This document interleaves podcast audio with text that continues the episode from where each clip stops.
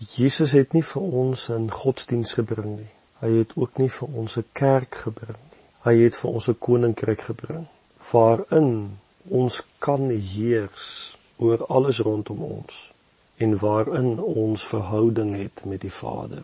Dit is waarom Jesus gesê het hy kom en verkondig die evangelie van die koninkryk.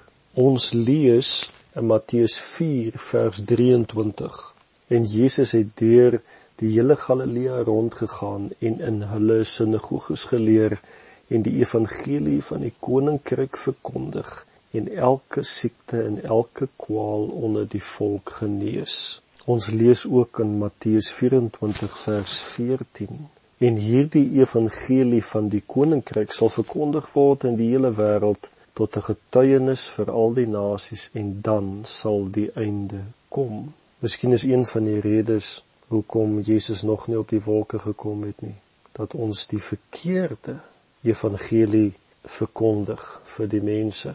Daar is 'n groot verskil tussen die evangelie van verlossing en die evangelie van die koninkryk. Die verskil is baie groot en ek is al hoe meer oortuig daarvan dat baie min mense die evangelie van die koninkryk al werklik gehoor het in sy volheid. En dit is ook waarom ek glo dat die liggaam van Christus nie in beweging raak wat Jesus beliggaam en sy koninkryk regtig uitbrei nie. Dis hoekom ek ook hierdie reeks doen want vir jare en jare probeer ek met ander die liggaam van Christus mobiliseer om as disipelmakers te leef, as gestuurdes te leef, Christus te beliggaam, Christus te verteenwoordig om ander mense aan te steek met die goeie nuus te beïnvloed met wie Christus is maar ons sukkel. Hoekom? Ek glo ons verkondig 'n mengelmoes van evangelies en kom nie by die evangelie van die koninkryk in suiwerheid na mense toe nie. Wat vir mense regtig vertel wie hulle is en wat hulle hier maak. Jy sien die evangelie van verlossing begin altyd by die sondeprobleem. Verwys altyd na die koning as 'n regter probeer heeltyd die sonde probleem oplos. Preek heeltyd oor sonde en probleme is negatief ingestel. Die gevolg daarvan is dat mense met skuld leef. En baie keer meestal beheer word deur vrees die evangelie van verlossing soos wat ek dit noem. Is geneig om godsdienstig te wees. Dit wil sê ons moet 'n klomp goed doen om in God se guns te kom. Dit gaan uiteindelik maar in hierdie evangelie net om te oorleef hier op aarde om uit te hou totdat ons hiervan verlos word en hemel toe gaan. Oor die algemeen word gesê dat alles net geestelik benader moet word. En gees word van siel en liggaam geskei. Daar's 'n dualistiese lewe Die materiële heers ons oor die geestelike gee ons vir God vir 'n uur op 'n Sondag of ons so saam met medegelowiges 'n bietjie saamkom. Die evangelie van verlossing sê jy moet aan 'n kerk behoort. Jy moet in die kerk dien om vir God te werk.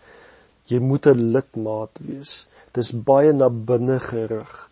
Die evangelie van verlossing se fokus is oor die algemeen om gesond te wees na siel en na gees leer vir hulle lidmate dat ons hemels georiënteerd moet wees. Daar is 'n uitkoms daar's 'n verlossing. Ongelowiges word uitgesluit. Hierdie evangelie van verlossing word gedryf deur die mens en die mens se besluit vir God en dan is jy verlos, dan is jy gered. Hierdie evangelie hardloop al die pad op programme wat uitgewerk word om mense in verhouding met God te hou. Terwyl die evangelie van die koninkryk anders daarna uitsien. Dit begin nie by sonde nie, nee, dit begin by 'n koning en sy koninkryk. Dit stel hierdie koning voor as 'n vader. Hierdie evangelie van die koninkryk verkondig genade en verkondig liefde. Dit help mense om vry te raak. Is geanker in onvoorwaardelike liefde.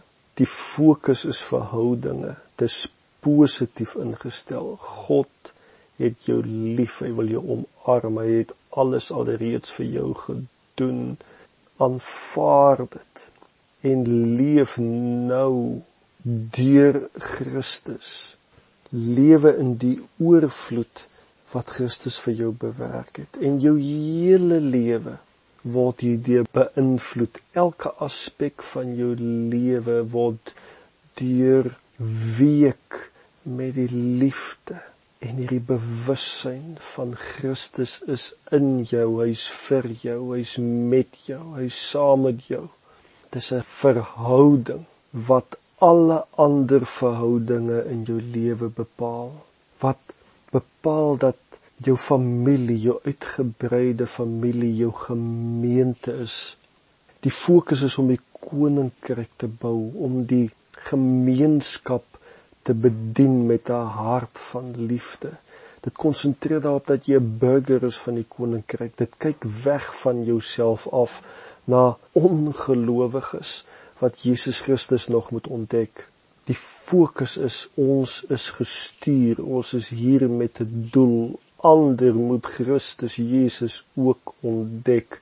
Ons staan in die evangelie van die koninkryk met ons voete vas hier op aarde. Ons is hier op die aarde ook vir die aarde. Want ons gaan nie eendag hemel toe nie, ons gaan eendag op 'n nuwe aarde wees. En ons word gedryf deur God se inisiatief. God se besluit vir my maak my vry. Ek omhels dit. En as 'n disipel word ek soos Jesus. Doen ek soos Jesus. Is ek soos Jesus sodat sy koninkryk verder sal uitbrei. Gaan vertel ek ander want ek kan nie hierdie goeie nuus van die koninkryk vir myself hou nie.